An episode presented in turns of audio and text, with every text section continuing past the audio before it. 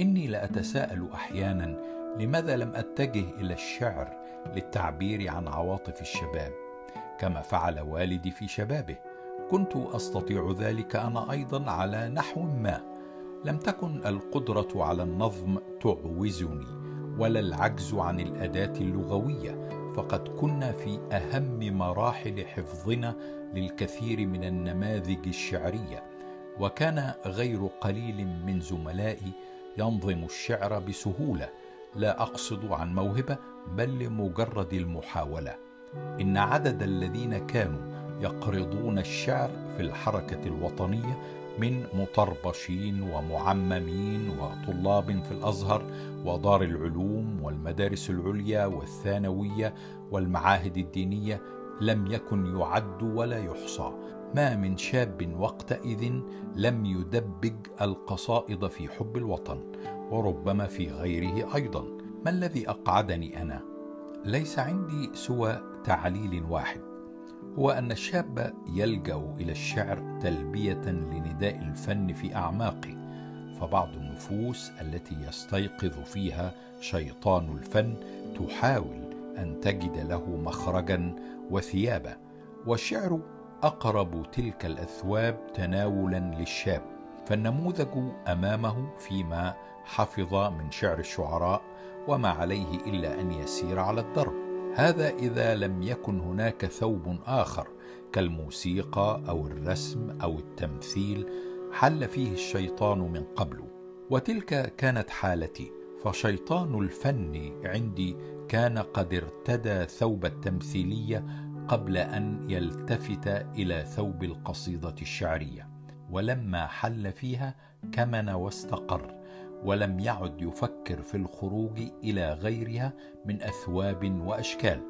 حتى عندما فكر فيما بعد في اتخاذ ثوب الرواية والقصة ونحوهما فإنه اتجه إلى ذلك بدافع العقل الواعي والحاجة الماسة. حاجة المواطن إلى التعبير عن حماسه لبلاده وعن رؤيته لتطور مجتمعه وحاجة الأدب وقتئذ إلى إقرار هذه القوالب الجديدة على نحو جاد لتحمل موضوعات جديدة.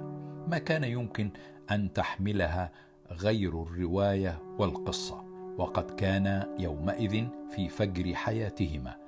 في حاجة إلى دفع ودعم من كل من وهب نفسه للفن لتطمئن هذه القوالب وتحظى بالاحترام الذي كانت محرومة منه بين غيرها من فروع الأدب العربي. بل إن اعتبارها فرعا من الأدب العربي لم يكن بعد معترفا به إنها كانت كمهنة التمثيل والموسيقى والتصوير والنحت أشياء لا يقر بها إلا المغامرون المقامرون بسمعتهم.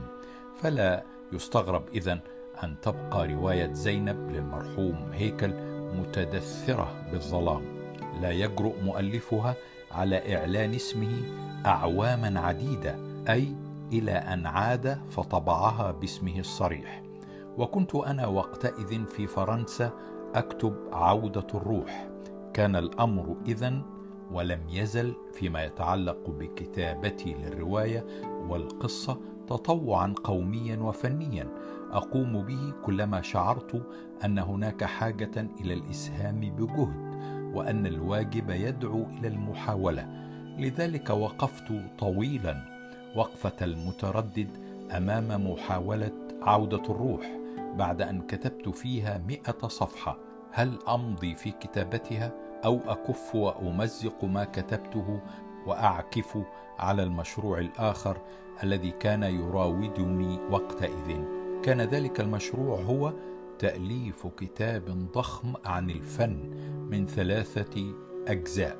الجزء الأول تعريف بالفن عامة من كل وجوهه وفروعه والجزء الثاني عن الفن المصري في مراحله المختلفة والجزء الثالث عن الفن في العالم الحديث. كنت في أوروبا ورأسي ممتلئ بالقراءات والتأملات والأحلام أيضا لأن القيام بتأليف مثل هذا الكتاب هو حلم لا يتراءى لشخص في تمام يقظته ولكنه طموح الشباب. العجيب أني كتبت من الجزء الأول نحو خمسين صفحة أو يزيد وحدثت البلبلة ووقعت في الحيرة. أيهما أكتب وأيهما أترك؟ إني أعرف نفسي. إني شخص لا يستطيع أن يسير في طريقين وطاقتي لا تحتمل التشتيت ولا تعمل إلا بالتركيز. صممت على أن أمزق أحد العملين حتى أتفرغ للآخر. لابد من إعدام صفحات أحدهما حتى لا تخايلني وتغريني وأنا في منتصف العمل الآخر. لكن أيهما؟ وأنفقت أياما أوازن بين الحجج. وأخيرا انتهيت إلى تمزيق كل ما كتبت في الجزء الأول من كتاب الفن.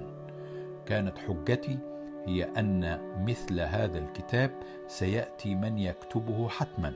فقد كنا على أبواب جامعة جديدة بها كلية آداب سيكون فيها ولا شك أساتذة في تاريخ الفن سيؤلفون يوما في هذه الموضوعات بجدارة حقيقية لأنهم متخصصون.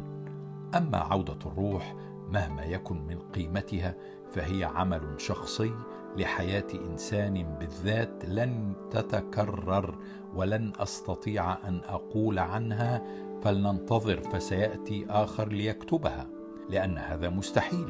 فهي انفعالاتي أنا التي لا يحسها غيري. إن تأليف كتاب في الفن يمكن أن تقوم به الجامعات لا في جامعاتنا وحدها بل في جامعات البلاد الأجنبية. فما أكثر ما تظهر فيها المؤلفات عن تاريخنا وحضارتنا وتفكيرنا القديم والحديث لكن تأليف رواية مصرية أو إنشاء أدب قصصي مصري هو عمل لا يقوم به إلا صاحبه وابن بلده. لابد أن ينبت في أرضه بأيدي أهله وكل جيل مسؤول عن جيله وعن تمهيد الأرض لمن سيأتي بعده خاصة وأن هذا النوع من الأدب العربي وهو الرواية الحديثة لم تكن قد استقرت بعد كقالب فني فما كان يجوز إذن تركها للمستقبل لأن المستقبل فيها لن يأتي إلا على أساس الحاضر. والرواية التي تؤلف اليوم إن هي إلا حلقة في سلسلة النمو الطبيعي للرواية غدا وإن أي تأخر في تكوين هذه الحلقة سيحدث فجوة ويطيل فترة ويعوق حركة النمو في وقت كانت بلادنا في أشد الحاجة إلى قالب الروايه لتصوير تلك الموضوعات الجديدة التي اقتضتها الحياة الاجتماعية والقومية في تلك المرحلة الهامة من مراحل تطورنا. ومزقت الصفحات الخمسين من كتابي عن الفن وليتني لم أفعل لأرى على الأقل اليوم ما هذا الذي كنت قد كتبت. وهكذا مضيت في كتابه عودة الروح لا ألوي على شيء لا أرجو منها من حيث الشكل إلا المساهمة بالجهد الواجب نحو هذا القالب على قدر طاقتي الفنية. أما من حيث الموضوع فإني لم أرد أن أجعلها سجلا لتاريخ بقدر ما أردت أن تكون وثيقة لشعور شعور شاب صغير في وسط مرحلة خطيرة لبلاده. ذلك أن رأيي في الفن ومهمته هو أن يترك تسجيل التاريخ للمؤرخين فهذا عملهم وهم أدق. وأن يترك تفاصيل الأحداث للصحف اليومية التي دونتها يوما بيوم وهذا عملها كذلك وهي أشمل وأعم ومجموعاتها تحتل المكتبات العامة. يبقى بعد ذلك شيء لا يستطيعه غير الفن هو بعث الانطباع وإبراز الشعور. وبدت لي ادواتي الفنية أعجز من أن تبرز كل ما كان بنفسي.